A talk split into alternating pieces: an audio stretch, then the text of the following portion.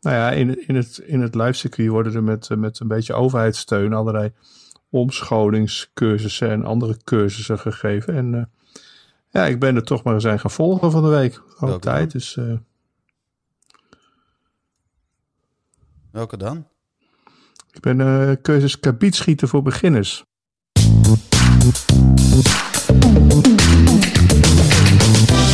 Welkom bij Stoppraatjes, de podcast over de live muziekindustrie. Met John van Luijn en Gideon Karting.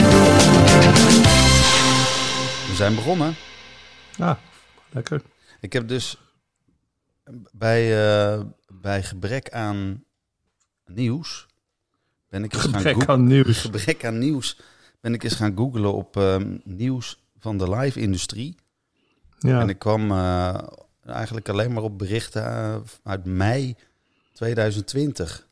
Jo. Het is echt. Uh, ja, ik dacht op een gegeven moment dacht ik nog wel van. Ik zag een bericht over een drive-in show. Toen dacht ik van Jezus man, dat is nieuws. Er worden gewoon nu nog drive-in shows gedaan. Nou, dat bleek Ja. ook van september te zijn al. Dus dat is ook al uh, weer een tijdje geleden. Ik was, helemaal, ik was helemaal blij met een drive-in show. Ik dacht van nou, wat gaan we nou krijgen? Ja. Ja, en um, nou ja, er wordt toch, on a serious note, er wordt toch uh, wel een beetje gespeculeerd dat 2022 het jaar gaat worden. 2021, ja. daar hebben we het niet meer over in de live muziekindustrie. In 2022 is het toverwoord. Dus uh, dat worden nou, nog een ja. heleboel afleveringen. Hebben we nog, uh, dan denk ik dat we een sabbatical moeten gaan doen in 2021. Vind ik wel een goeie, ja. Zal ik dan verder gaan nu? Ja. Ik dacht misschien leuk om een beetje om en om te doen. Nou ja, ik, ik heb eigenlijk uh, vrij weinig uh, te melden. Het is allemaal of uh, ja, dat het gewoon een beetje niet de openbaarheid in kan, of het is totale kansloze onzin. Ik ben heel benieuwd naar die dingen die de openbaarheid niet in kunnen. Maar daar bellen we dan dadelijk even over. Ja, dat kan. Ik kwam nog wel een berichtje van mei tegen. Van mei 2020. Van de maand mei of van jou? nee, van de maand uh, mei. Hmm. En um, dat, dat, was wel... Ik heb, het was een heel lang verhaal. Van een of andere vereniging van uh, mensen die ik allemaal niet ken. Uit over de hele wereld. Een soort van safety productie. Een soort secte. Zoiets. Ik weet iets met... Nou, whatever. Maar uh, die riepen op om het crowdsurfen en, en het, het, het moshpitten te verbieden ja. uh, na de lockdown. Dus als er weer concerten mogen, dan, uh, dan verbieden we gelijk nee, de moshpits en de crowdsurf. Dus toen dacht ik, heb jij een, een crowdsurf of moshpit? Heb jij wel eens ge, gecrowdsurfd of ge, ja, wij noemden dat vroeger pogo, hè, maar... Ja. En bij, bij welke, wat weet, weet je nog wat je eerst... Uh... Uh, ja, ook dat weet ik nog. Um, sowieso, hè, het, zo van mijn 6, 16, 17e tot mijn, nou pak een beet 25e was ik er vaak vooraan te vinden bij live shows. En uh, ja, ik kan me nog wel herinneren de eerste keer dat ik echt uh, in het geweld terecht kwam. Dat was uh, in Rotterdam tijdens het Nieuwpop Festival tijdens een optreden van The Sound. Met inderdaad de helaas te vroeg overleden Adrian Boorland op, op zang. En ja, ik was ongetwijfeld daar het jonge kleine ventje. Want uh, ja, ik hield me daar slecht staande. En op een gegeven moment uh, stond er een enorme kerel achter mij. ook niet eens zo oud, maar wel enorm.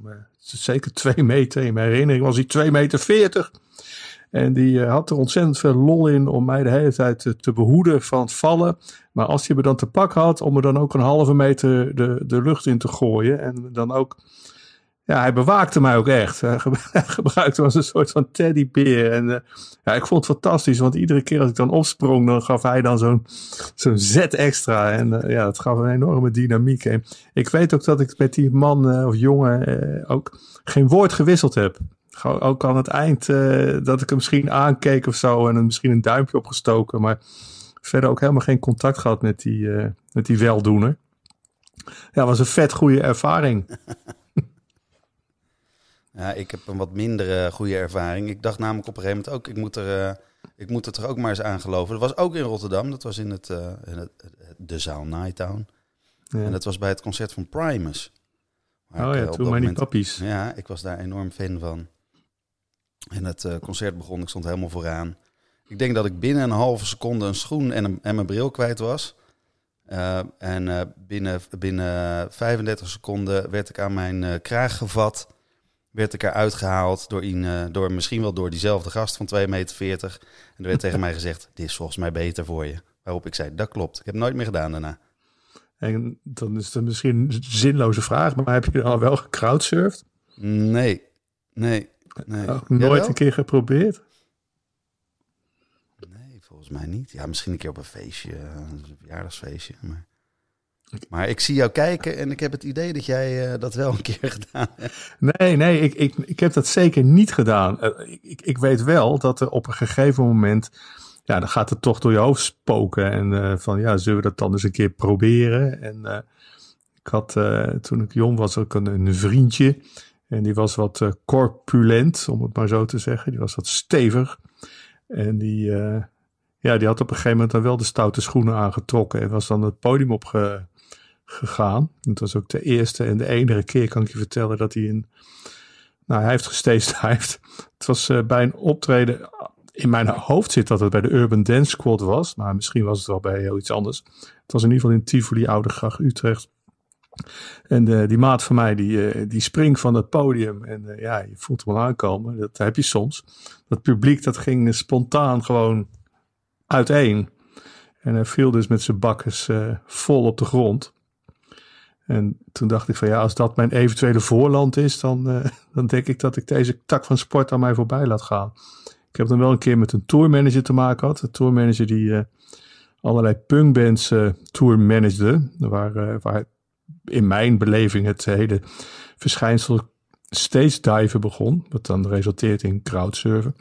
En die, die vertelde mij een keer dat hij in zijn enthousiasme eh, op het podium stond eh, mensen van het podium af te duwen natuurlijk. En op een gegeven moment het niet meer hield omdat zijn favoriete nummer kwam. En hij zelf een enorme duik nam. En terwijl hij die duik nam, zich realiseerde dat hij eh, alle gages van de optredens tot nu toe gewoon in zijn zak had zitten. Dus hij zat daar gewoon met, weet ik veel, 10, 20.000 gulden of dollars, ponden, nou, noem al die valuta maar op. En hij had echt zoiets oh mijn god, als dat maar goed gaat. Want iedereen die graait daar natuurlijk en zo. En, en, en je gaat alle kanten uit, je hebt geen controle meer. En eh, ook dat was dan zijn laatste keer geweest. Hij, hij had al zijn geld nog.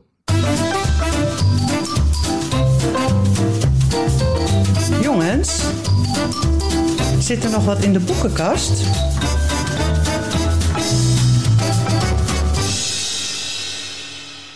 Was hem even kwijt. Ik heb hem gehaald, ik heb hem gehaald, ik heb hem gehaald. Ja.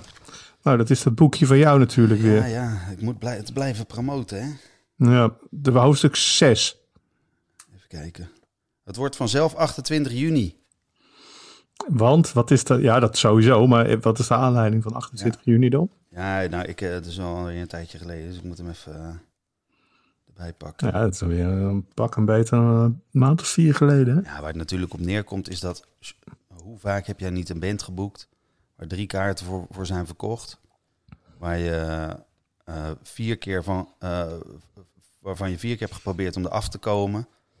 waarvan de, de, de tourmanager alleen maar kosten blijft maken... en waarvan je denkt van... oh mijn god... Moet dit, moet dit nou? Moet dit nou? Zo'n show waar je enorm tegenop kijkt...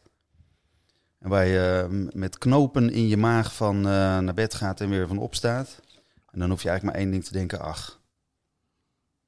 Als de show dan op 27 juni is natuurlijk. Het wordt vanzelf 28 juni.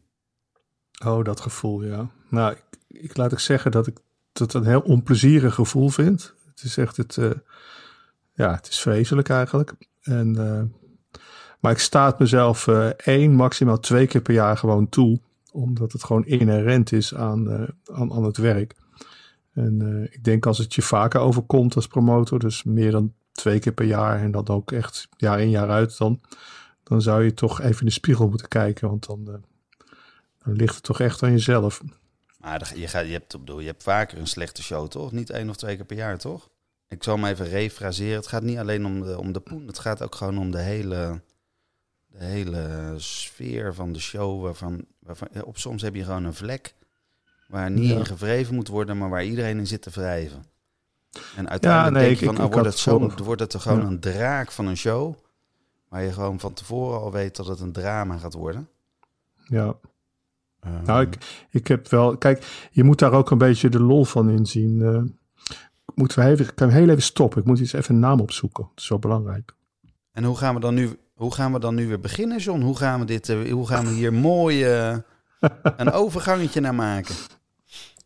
Nou, je had het over dat het, eh, die, die, die show die je af en toe hebt en die loopt voor geen meter. En ja, hoe moet je daar dan mee omgaan? Zo had ik een show van Marco Hietala. Een, eh, is een van de bandleden van Nightwish. Eh waar ook eh Floor, Floor Jansen de zangeres is. En Ook, die ja. ging een solo show doen. En dat liep voor geen meter en het liep nergens. En eh er was op grond van het, puur het feit dat hij in Nightwish zat, gewoon te veel geld geboden. En er was met geen mogelijkheid eh, van die show af te komen. Want eh, ja, die man was, om de woorden van Floor maar eh, te gebruiken, een beetje old school. Hij, had zijn, hij kon zijn sociale media gewoon niet goed beheersen. En had daar ook niet iemand voor in dienst. En dat verklaarde dan een deel van, van het niet succesvol zijn. Om het lang, lang verhaal kort te maken. Ik had er uiteindelijk wel vrij veel lol in. Want die, die show die stond gepland in de, in de max. En eh, ja, als je dus heel weinig kaarten verkoopt, dan is het natuurlijk leuker om het er intiem te laten uitzien. En eh, via een trucje, heel kinderachtig misschien, maar had ik die show gewoon in de, in de grote zaal laten staan. Ik had ook opdracht gegeven om eh, het balkon gewoon open te houden. Wacht want, even, ik heb nu een vraag. Heb jij wel eens de bordjes van de Max en de oude zaal omgedraaid? Dat een artiest zonder dat hij het wist gewoon in de oude zaal stond en dacht dat hij in de Max stond?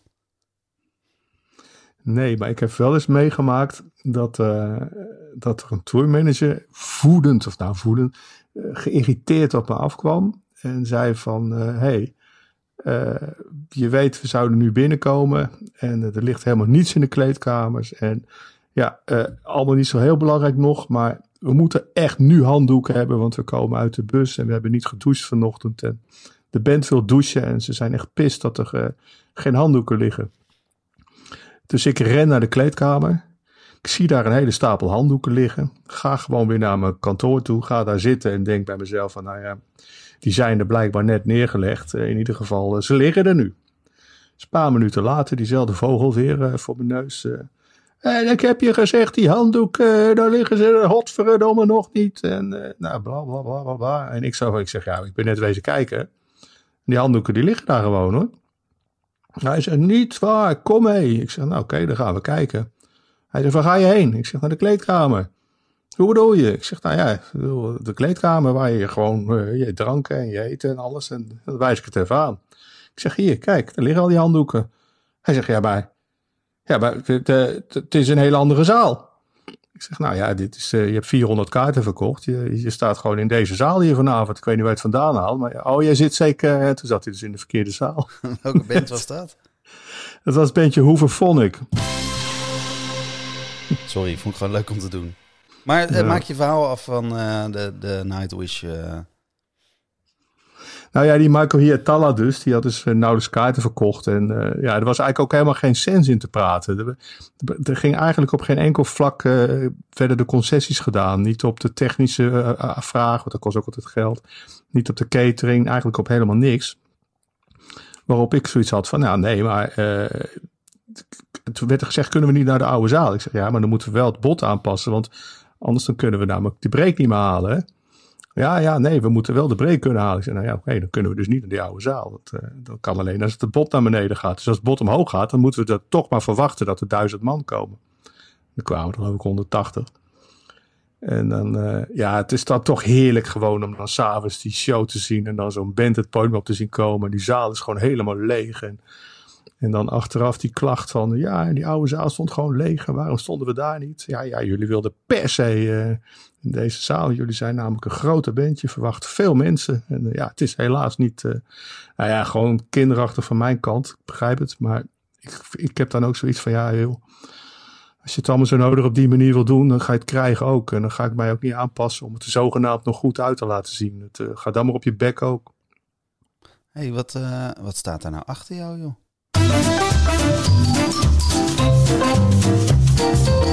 Jongens, zit er nog wat in de platenkast?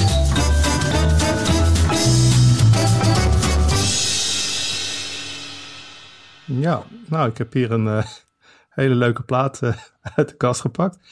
Dus uh, de Vessins. Vessins? de Vessins, ja. en dat is in principe een... ja, er is eigenlijk niet zo heel veel te vertellen over die Vessins. Het is gewoon goed. Nou, ze, ze heb... doen wat ze beloven. Ja, ik moet, nou ja, ik moet, sorry dat ik dan even... Maar ik heb ooit Mumford Sons gepromoot in het Goffertpark.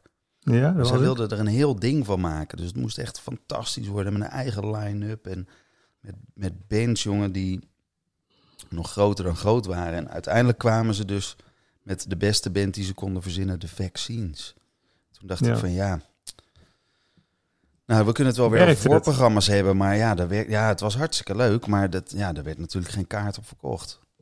Nee. En, nee, ja, mensen, mensen, mensen willen dat niet, hè? Nee joh. Dus, maar ik, vond, ik vind het een leuk beentje hoor. Maar ik vind het wel jammer dat ik het niet boek. Want dan had ik de corona's geboekt en de vaccines. Ja, dan samen op een podium zetten. Ja. Nee, maar even over die vaccines. Ik, ik, ik heb even opgezocht, maar ik heb zelfs ook niet echt een, geen één slecht verhaal over die vaccines. Het is gewoon een heel uh, ja, dienstbaar functionele band. Ze doen dus wat ze, wat ze beloven eigenlijk. Uh, het publiek wat een kaartje koopt, uh, ja, die gaat weer tevreden naar huis, omdat de band, uh, ja, het werkt. En ja, het zijn heel onschuldige, aardige mensen. En er zat ook allemaal geen rotte appel tussen bij die crew. Het, is, het was eigenlijk ook niet zo heel erg duur. Ze waren heel realistisch. Dus een degelijke... Inderdaad, de muziek is ook heel prettig. Ja, je hebt er geen centje last van. Het duurt alleen even voordat ze er zijn. Ze waren wel te, ze waren een beetje aan de late kant. Ja, Klopt. dat is ja, ja.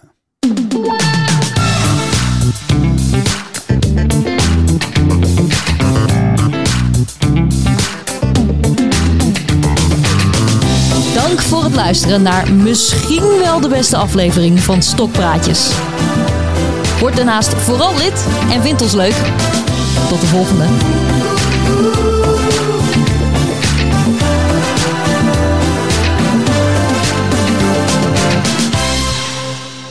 hey, Gideon. Ja. Ik zat me af te vragen, met, met die, die discussie die al in maart ingezet is over die zonder vaccinatie mag je niet naar een evenement. Aan de voorkant kan je dat controleren. Je kan publiek bij de deur, kan je allemaal vragen om een kaartje of iets. Maar hoe doe je dat aan de achterkant? Als Ariane Grande zich gewoon weigert te laten vaccineren, ga je dan zeggen: jij mag het terrein niet op? Ja. Ik, uh, ik denk dat we genoeg voer hebben voor volgende week. Nou, ik heb nu al honger.